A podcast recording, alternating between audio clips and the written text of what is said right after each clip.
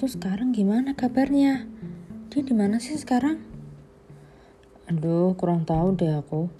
Kenapa kamu nggak tanya langsung aja sama si Yaya? Ye, kan aku nggak deket sama dia. Ya sama dong, berarti. Emang kamu pernah lihat aku main sama dia? Emang kenapa sih kok tumben tanya-tanya gitu? Penasaran aja sih, pingin tahu aja gitu. Pernah nggak sih kalian punya teman kayak gitu? Atau mungkin kalian sendiri pernah nggak merasa ingin tahu tentang seseorang? Sebenarnya kita ini emang peduli atau cuma pingin tahu atau kepo aja sih?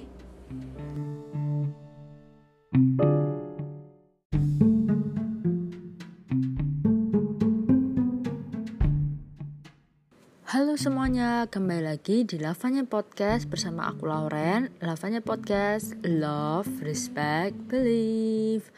Nah, di episode ke 87 kali ini Aku akan membahas tentang uh, dua hal nih ya. Jadi yang pertama adalah peduli, yang kedua itu kepo gitu. Atau uh, kayak itu tuh sebenarnya bahasa bahasa slang gitu ya slangnya orang Indonesia atau bahasa gaulnya orang Indonesia yang intinya tuh kayak bilang uh, kayak misalnya kepo tuh intinya mereka misalnya ngatain orang kepo gitu ya eh, kamu kok kepo banget? gitu. Kepo tuh maksudnya kayak kamu kok kepingin tahu banget sih? gitu loh kayak apa ya emang konotasinya kadang bisa bersanda kadang bisa uh, negatif sih gitu. Negatifnya tuh karena kayak kita pengen tahu aja gitu urusan orang gitu. Padahal mungkin ya orang itu nggak pingin uh, urusannya itu diketahui gitu loh. Ya gitu intinya. Jadi uh, bagi yang udah dengerin opening pasti tahu lah ya. Kurang lebih kan di situ aku kayak ngasih bedanya uh, peduli sama kepo itu apa gitu. Nah jadi yang pertama peduli ya uh, peduli biasanya timbul karena adanya empati gitu. Dan seperti yang kita tahu empati itu adalah suatu apa ya uh, perasaan moral yang timbul gitu uh, pada diri seseorang untuk uh, berbelas kasihan kepada orang lain. Sehingga dari belas kasihan itu nanti biasanya orang-orang yang punya empati bakal membantu orang lain gitu. Ya dengan adanya empati itu nanti kita bisa apa ya membangun sebuah hubungan hubungan persahabatan. Terus kita bisa juga uh, jadi peduli sama orang yang membutuhkan dan ya mungkin garis besarnya kita bisa dikatakan mm, nggak mm, jadi orang yang egois gitu ya atau cruel gitulah ya Nah, maka dari itu kebalikannya nih kalau misalnya kita nggak punya rasa empati, ya bisa dikatakan kita bakal susah gitu loh peduli sama hmm, seseorang, sama orang-orang sekitar kita gitu. Nah, tapi sebenarnya menurut para ahli ya empati itu adalah sesuatu yang uh, bisa kita pelajari kok gitu. Ya, dan aku setuju sih sama perkataan ini karena waktu itu aku pernah ikut kelas ya kan kelas etika. Terus dosen aku juga bilang intinya uh, empati atau apa ya bahasanya kayak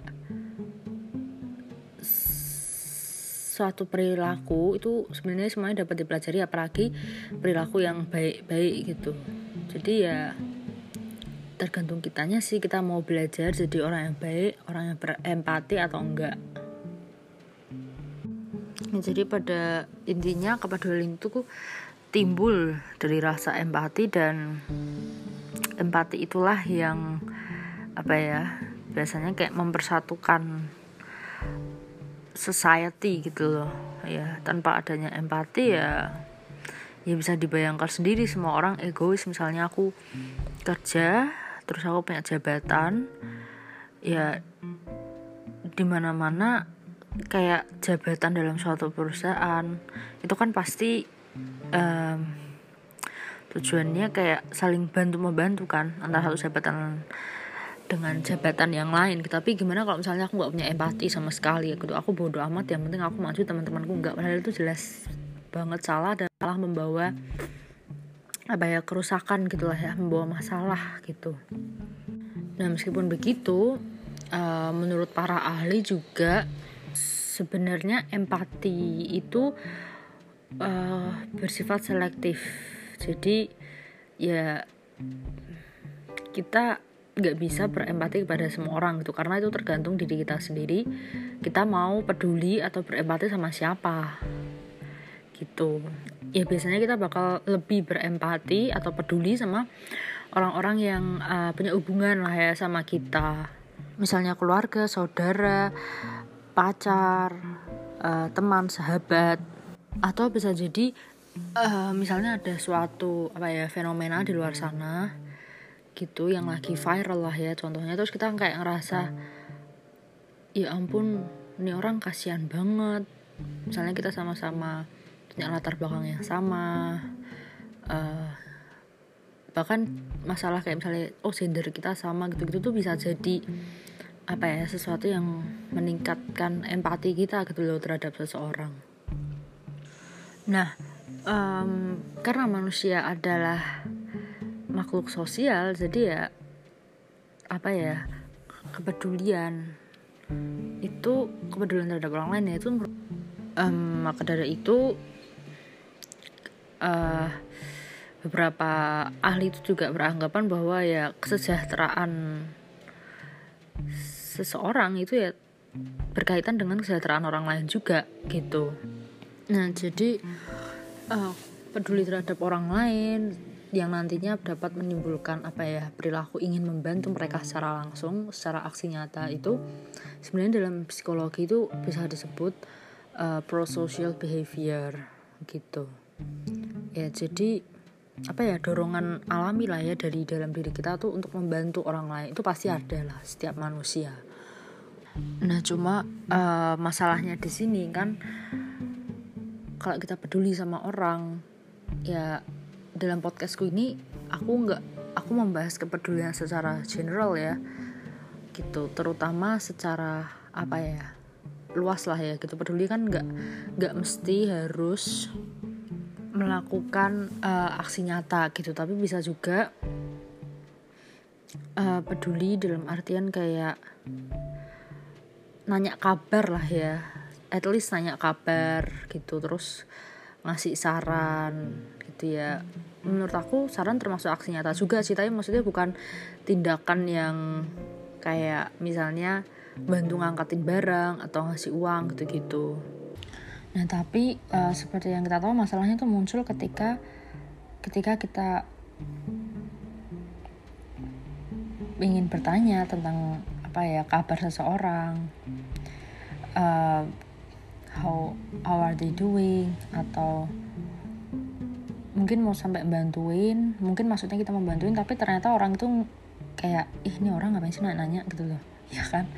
Kayak apaan sih? Kita kan nggak dekat padahal gitu. Padahal ya mungkin kita simply cuma pingin nanya aja gitu loh kabar mereka. Nah dari sini itu makanya kosakata um, nosi atau kepo itu muncul. Ya jadi kayak orang nyebutnya kayak ih apa sih orang pengen tahu aja deh gitu. Dan pasti kita semua pernah uh, merasakan dikepoin sama orang atau mungkin kita uh, secara nggak langsung jadi orang yang kepo gitu loh. Dan itu pasti uh, apa ya rasanya nggak enak atau menjengkelkan gitu. Tapi nggak menutup kemungkinan bahwa memang ada orang-orang yang seperti itu gitu. Ada orang-orang yang kepo yang apa ya ya pokoknya kayak apaan sih sukanya nanya-nanyain orang? Kapan misalnya kapan kawin kapan punya anak dan sebagainya gitu. Dan ya uh, apa ya keinginan untuk mengetahui urusan orang lain itu biasanya timbul karena rasa insecure lah ya dari diri mereka sendiri gitu. Jadi kadang mereka nanya-nanya karena mereka ingin tahu progres orang lain dan mereka kayak mungkin setelah itu mereka ingin bandingin sama progres mereka gitu ya. Sebenarnya tergantung juga apa yang dikatakan mereka setelah mereka nanya-nanya gitulah ya tapi poinnya orang-orang begini tuh emang ada dan itu emang bener-bener jengkelin banget sih ya karena ya orang yang kepo atau pengen tahu suka nanya-nanya hal-hal kayak gitu dan nanya-nya kayak sengaja gitu loh di depan orang-orang banyak ya kan? Pasti ya kita pernah kan mengalami seperti itu tuh pasti ya bisa dikatakan mereka pingin apa ya pingin ngerasa lebih superior juga mungkin pingin ngerasa kayak oh kalau mereka nggak sehebat yang aku kira aku bisa hina mereka dan lain sebagainya gitu loh. Tapi ya kalau misalnya mereka naik-naik sama seseorang dan orang itu jawabannya kayak wow keren dan bagus mungkin malah mereka yang ngerasa insecure sendiri gitu. Jadi mereka suka mancing-mancing aja gitu. Nah terus gimana caranya supaya kita tuh nggak kepo sama orang lain nggak jadi orang yang kepoan ya atau pengen tahu kehidupan orang lain lah ya. Yang pertama cobalah kita hargai privasi mereka gitu. Jadi kalau misalnya ya kepada siapa pun lah ya aku nggak ngomong sama orang yang udah kita kenal atau udah sahabatan mungkin udah sahabatan dari lama tapi juga sama orang-orang yang nggak terlalu kita kenal. Tolong diperlakukan sama aja gitu ya kalau ngeras kita ngerasa bahwa itu pertanyaan nggak penting dan nggak ngefek juga ke hidup kita ya buat apa tanyain gitu. Karena mungkin dari pertanyaan itu mereka bisa aja merasa tertekan loh ya kan? Siapa tahu yang nanya juga nggak cuma kita banyak orang lain juga yang nanya. Terus sebenarnya boleh-boleh sih nanya kayak gitu tapi caranya mungkin ya lebih dirubah dikit gitu. Kalau misalnya kepepet banget sih pingin nanya tapi kalau nggak ada baik lagi ke poin pertama kalau nggak ada yang penting untuk diketahui dari informasi itu yang paling kita naik juga itu beneran namanya kepo kali. Kecuali kita emang peduli emang kita let's say um, sahabatan lama kita mau ngasih saran kita uh, mau ngasih semangat motivasi gitu itu nggak apa-apa gitu kan ya. Tapi kalau enggak ya ngapain nanya gitu. Nah tapi sebenarnya uh, mungkin supaya kita juga nggak dikira orang yang bahwa kita bisa nanya dengan cara yang sangat-sangat sopan. Kayak misalnya sebelum kita bertanya kita mungkin bisa ngomong kayak ah, maaf ya sebelumnya kalau pertanyaan ini terlalu sensitif. Kalau kamu nggak mau jawab nggak apa-apa. Kayak gitu. Terus kita harus yang kedua kita harus berpikir lah ya itu dampaknya apa gitu kalau kita tanya kayak gitu. Karena kadang banyak orang yang tertekan depresi itu karena omongan orang-orang sekitarnya gitu. Omongan nggak mesti omongan juga. Kadang ya pertanyaan-pertanyaan itu loh yang terus-terusan ditanyain gitu. Padahal jelas-jelas mungkin udah kelihatan bahwa jawabannya bukan apa nggak perlu dijawab orang udah tahu lah ya. Misalnya kayak e, kamu lagi nggak kuliah gitu. Kita nanya kayak gitu misalnya sambuan nanya kayak gitu ke seseorang yang jelas-jelas emang nggak nggak lagi kuliah gitu. Kayak ya buat apa kamu naik gitu di depan orang banyak? Lagi itu kan jelas-jelas ada maksud tertentu gitu loh ya kan? Dan yang terakhir pokoknya inget inget selalu lah ya kalau um, kita nggak mau dikepoin ya jangan jadi orang kepo gitu aja. Ya. Oke okay, terus um, kenapa sih orang tuh peduli sama orang lain? Dan tapi kenapa juga orang kepo dengan masalah orang lain aku jawab dulu ya dari yang pertama sebenarnya kenapa orang peduli? Itu karena simply karena yang pertama tadi udah aku sebutin di awal yaitu manusia itu makhluk sosial. Jadi um, kita merasa perlu apa ya bersosialisasi dengan sesama. Sosialisasinya caranya banyak gak cuma berkomunikasi doang membentuk sebuah relasi doang tapi juga cara nggak langsung lama-lama akan timbul kepedulian di situ gitu ya dan terkadang dapat kita akui juga kalau kita tuh bantu orang lain sebagai sebuah apa ya antisipasi gitu. Karena secara nggak langsung kita berekspektasi oh nanti kalau aku kenapa-napa pasti ditolong juga nih gitu. Ya aku di sini nggak bisa ngomong alasan ini baik atau buruk sih karena menurutku ya it's normal gitu. People have their expectations. Jadi ya it's okay gitu kadang juga kita peduli sama orang tuh karena ya nggak bisa dipungkiri juga kita ada perlunya gitu sama orang tersebut. Karena misalnya kita pingin apa ya memperluas koneksi kita ya kan membangun sebuah hubungan gitu. Um, pengen punya bonding juga sama orang orang tertentu. Atau um, simply ya karena kita atau mereka pengen jadi orang baik aja gitu karena kasihan gitu. Dan sama juga dengan orang-orang yang kepo mungkin mereka juga punya maksud tertentu ya. Um, yang mungkin lebih ke arah cenderung negatif ya maksudnya itu. Nah beberapa uh, alasannya adalah yang pertama mungkin mereka merasa udah kenal deket sama kalian udah apa ya udah sepantaran kayak nggak misalnya pun nggak mereka kalian nggak deket gitu tapi kalian tahu satu sama lain dan mereka ngerasa kayak ah kita ini sepantaran umurnya gitu mungkin misalnya atau jabatannya atau apa. Jadi mereka ngerasa kayak ya it's okay dong kalau aku nanyain kamu tentang your personal stuff gitu. Padahal hal itu salah sih karena kadang aku juga nggak setuju. Maksudnya kayak meskipun kita sepantaran dalam hal umur, jabatan dan lain-lain, tapi kita tetap harus mengedepankan sopan santun gitu loh, nggak boleh langsung kayak yang bet bet bet, bet langsung nanya-nanya personal stuff itu kayak hah? Gitu. Dan kalau aku sendiri sih aku nggak bisa ya kayak gitu. Karena aku dari dulu temenan sama orang dan untungnya sampai sekarang masih temenan lah ya. Meskipun ya bertengkar tuh wajar tapi sampai sekarang tuh masih temenan terus masih chattingan masih sahabatan. Itu itu butuh proses lama sih ya untuk sampai bisa nanya-nanya personal stuff ke mereka dan mereka juga lakuin hal yang sama ke aku gitu. Ya tapi baik lagi semua itu tergantung orang lah ya tergantung orangnya gitu. Terus alasan yang kedua kenapa orang kepo mungkin karena uh, mereka salah paham sama social signal yang kita berikan ke mereka gitu. Mungkin ya anggap aja kesalahpahaman. Kayak misalnya aku sering main sama si A gitu. Terus kayak sering main sering uh, keluar bareng sering ke mana-mana bareng. Terus kita anggapnya kayak oh kita udah dekat nih. Kita udah sahabatan. Terus mungkin si A jadi nanya-nanya hal-hal personal ke aku yang di situ mungkin ngebuat aku kaget ya. Itu wajar sih menurutku ya di sini ada kesalahpahaman.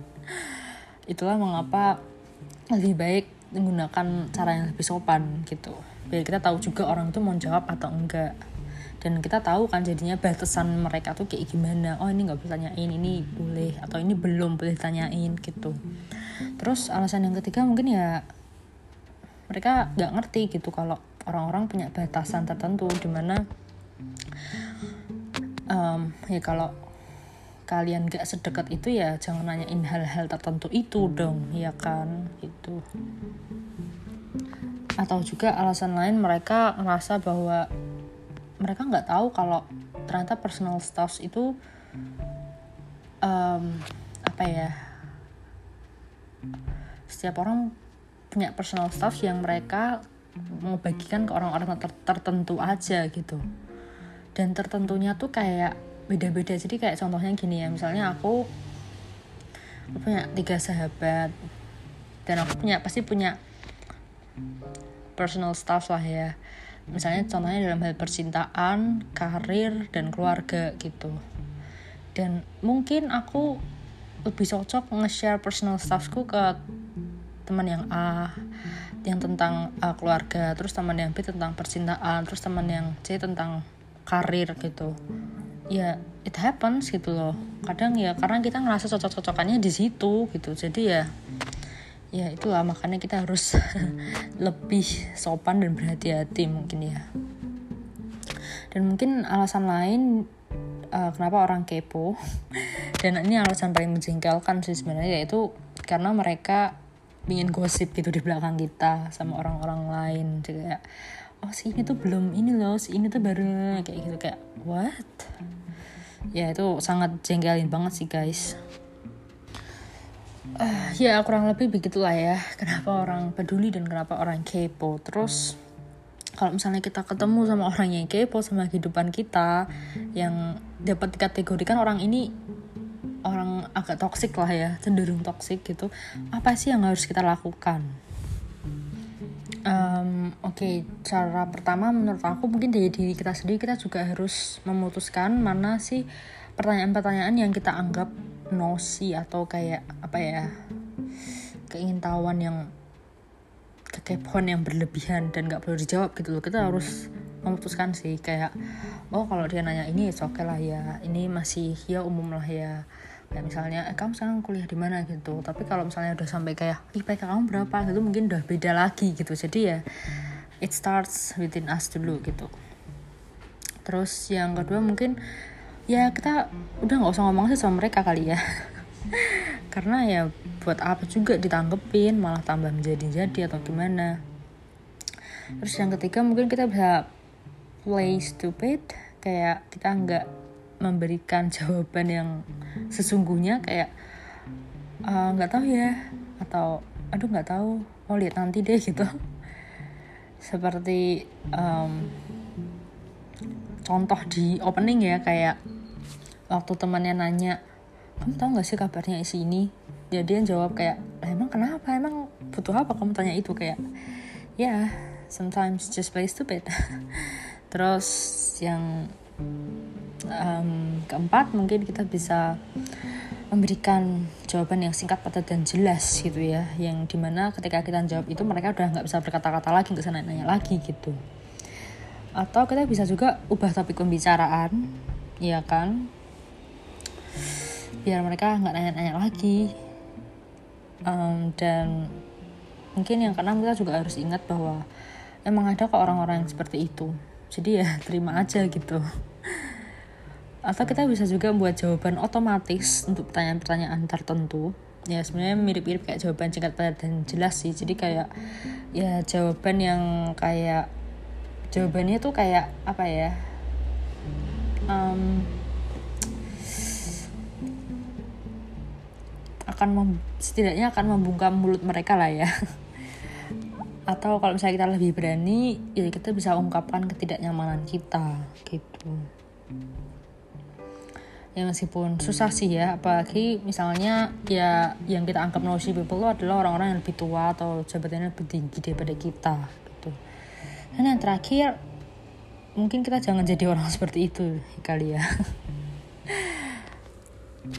Terus jadi perbedaannya itu apa gitu antara peduli dan kepo. Again aku ngomong ke um, fokus ke pertanyaan-pertanyaan ya. Jadi kayak orang yang suka nanya-nanya gitu loh apakah mereka tuh benar nanya karena peduli atau kepo gitu. Apa perbedaannya? Dari tujuannya aja sebenarnya kita udah bisa lihat ya. Kalau misalnya orang peduli mungkin mereka tujuannya tadi kayak misalnya kalau mereka tahu kita lagi kesusahan pasti mereka pingin usaha buat membantu kita untuk memotivasi kita untuk nyemangatin kita gitu. Jadi dan of course menurutku mereka pasti orang yang peduli ya. Mereka tanya-tanya gitu um, mereka tuh kayak bakal keep it to themselves gitu loh. Mereka nggak bakal cerita-cerita apa yang kita lalui apa yang lagi kita rasain. Pokoknya tentang personal stuff kita mereka tuh nggak bakal cerita-cerita gitu loh. Ke orang lain. Karena itu kan pasti kita kalau misalnya tahu misalnya aku cerita sama si ah tentang personal stuffku tapi ujung-ujungnya dia cerita ke orang lain kan jadi kayak what? Gitu kayak jengkel gitu loh ya. Dan bedanya kalau sama orang yang kepo jelas banget mereka tuh mau informasi. Um, informasi tentang diri kita gitu. Yang mana informasinya itu nanti bakal um, apa ya diarahkan ke hal-hal yang negatif lah ya buat mereka. Kayak misalnya buat informasi gosip atau buat banding-bandingin diri kita sama orang lain atau ngehina kita gitu. Jadi ya orang-orang yang kepo atau suka ngurusin kehidupan orang lain itu sebenarnya mereka lagi comparing themselves to others gitu. Ya dengan cara mereka ngebuat orang lain itu ngerasa nggak nyaman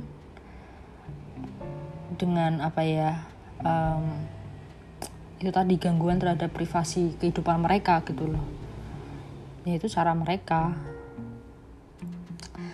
Dan pada intinya sebenarnya tergantung kedekatan hubungan juga ya. Hubungan um, apa ya kedua belah pihak gitu. Apakah mereka bisa dikatakan kepo atau mereka peduli. Tapi menurut aku tetap bakal um, kelihatan kelewatan pertanyaan-pertanyaan itu tergantung dari ya cara ngomongnya juga pertanyaan apa yang diajukan gitu. Dan mungkin perbedaan reaksi ya setelah orang yang tanya-tanya tadi tentang diri kita itu dia bakal ngelakuin apa sih setelahnya gitu. Kan kelihatan gitu misalnya dia bakal nyemangatin kita bakal ini bakal ngasih bantuan. Atau ya mungkin dia cuma oh pengen tahu terus kayak oke okay, bye. Tapi sebenarnya it's okay sih pengen tahu kabar orang aja gitu. Cuma again orang kan masing-masing sensitifnya berbeda gitu. Jadi kayak ya sebenarnya sangat-sangat uh, subjektif sih apa yang dikatakan dengan orang yang kepo atau peduli ini gitu Oke, terus contohnya apa nih? Contoh nyata orang benar peduli sama orang kepo tuh apa gitu. Oke, jadi uh, mereka yang peduli gitu ya biasanya mereka apa ya setelah mereka menanya-nanya tentang kehidupan pribadi kita biasanya mereka bakal kayak uh, menenangkan kita misalnya kalau kita ada masalah atau ngasih motivasi atau mungkin bantuan yang benar-benar nyata kayak misalnya oh, aku lagi kesulitan ini nih gitu. Oke okay, aku bantu. Atau simply kayak kalau kamu ada apa-apa kamu bisa curhat ke aku ya. Um, aku janji kok nggak bakal sebarin ke siapa-siapa. I'm here for you. Kayak gitu aja kayak kita ngerasa kayak wah ini orang peduli banget ya sama aku gitu. Tapi bedanya kalau orang kepo ya mereka um, pasti reaksinya agak berbeda ya kayak mungkin mereka bakal misalnya mereka lagi nanya oh kamu ini oh kamu kamu nggak ini emang kamu gak ini? Kayak ngerti nggak sih? Kayak intimidating gitu loh. Pertanyaannya tuh mengintimidasi kita jadinya akhir-akhirnya nanti gitu. Terus ya mungkin kita bakal dengar gosip-gosip juga mereka cerita ke orang lain ya kan?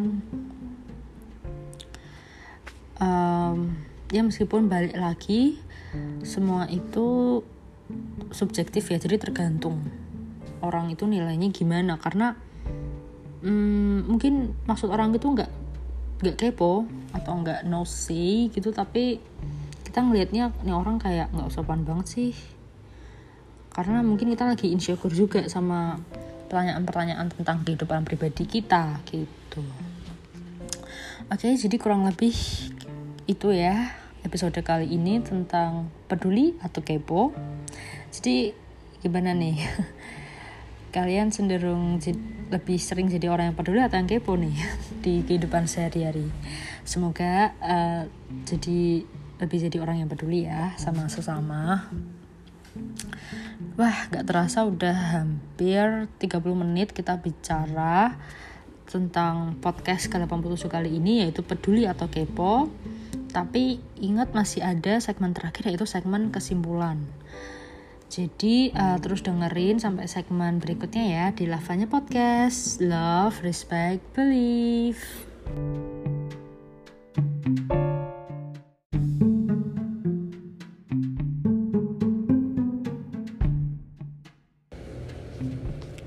Halo semuanya, kembali lagi di Lavanya Podcast. Love, Respect, Believe bersama aku Lauren di episode ke-87 kali ini yaitu Peduli atau Kepo. Nah, um, kita udah sampai di segmen terakhir yaitu segmen kesimpulan ya. Maka dari itu langsung aja deh aku sebutin beberapa kesimpulan yang aku dapat dari episode kali ini. Jadi yang pertama um, kesimpulan yang pertama adalah manusia memiliki rasa kepedulian yang tinggi dan salah satu alasannya adalah karena manusia itu merupakan makhluk sosial ya. Dan kesimpulan berikutnya adalah keingintahuan seseorang itu sebenarnya merupakan hal yang wajar ya.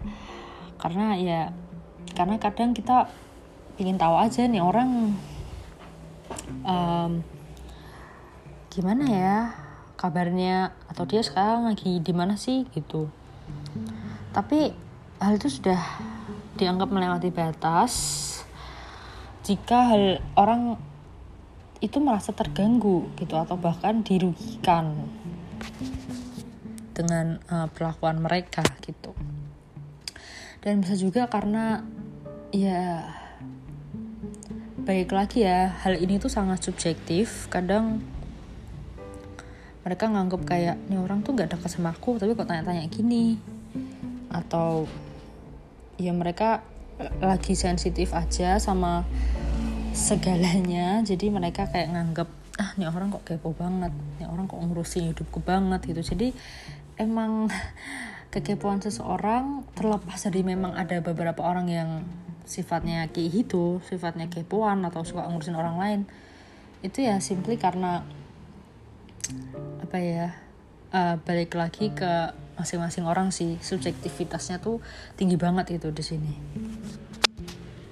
Dan juga seperti yang kita tahu ya, salah satu perbedaan orang yang benar-benar peduli dengan kita dan orang yang hanya ingin tahu dalam tanda kutip ya itu kadang terletak pada reaksi orang-orang tersebut setelah mereka mengetahui keadaan kita gitu ya kalau misalnya setelah itu kita ngerasa kok ini orang pertanyaannya makin ke sini makin mengintimidasi aku ya atau oh aku kemarin cerita sama dia tentang personal stuffsku kok sekarang udah kesebar ya di mana-mana ya? Kayak apa yang ngebuat kita ngerasa nggak nyaman nggak enak gitu ya berarti emang dia nggak benar-benar peduli sih sama kita ya. Dia cuma pingin tahu aja pingin kepo atau mungkin menjadikan kita sebagai bahan gosip gitu ya kurang lebih itulah ya kesimpulan yang kita dapat dari episode kali ini um, semoga apa yang aku sampaikan di episode kali ini um, manfaat ya dan insight baru tentang apa itu peduli, apa itu kepo dan semoga kita terus jadi orang yang positif dan menyebarkan kebaikan bagi orang-orang di sekitar kita.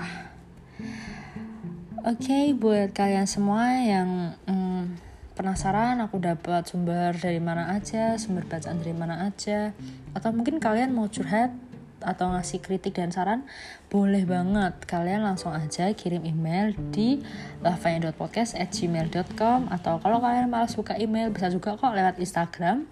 Jadi langsung DM kita aja di Instagram @lavanya.podcast pasti kita akan balas secepatnya oke? Okay? um, sekian dulu podcast ke-87 kali ini bersama aku Lauren. Jangan lupa terus dengerin uh, podcast-podcast berikutnya ya di Lavanya Podcast. Love, respect, believe. Bye semuanya. thank you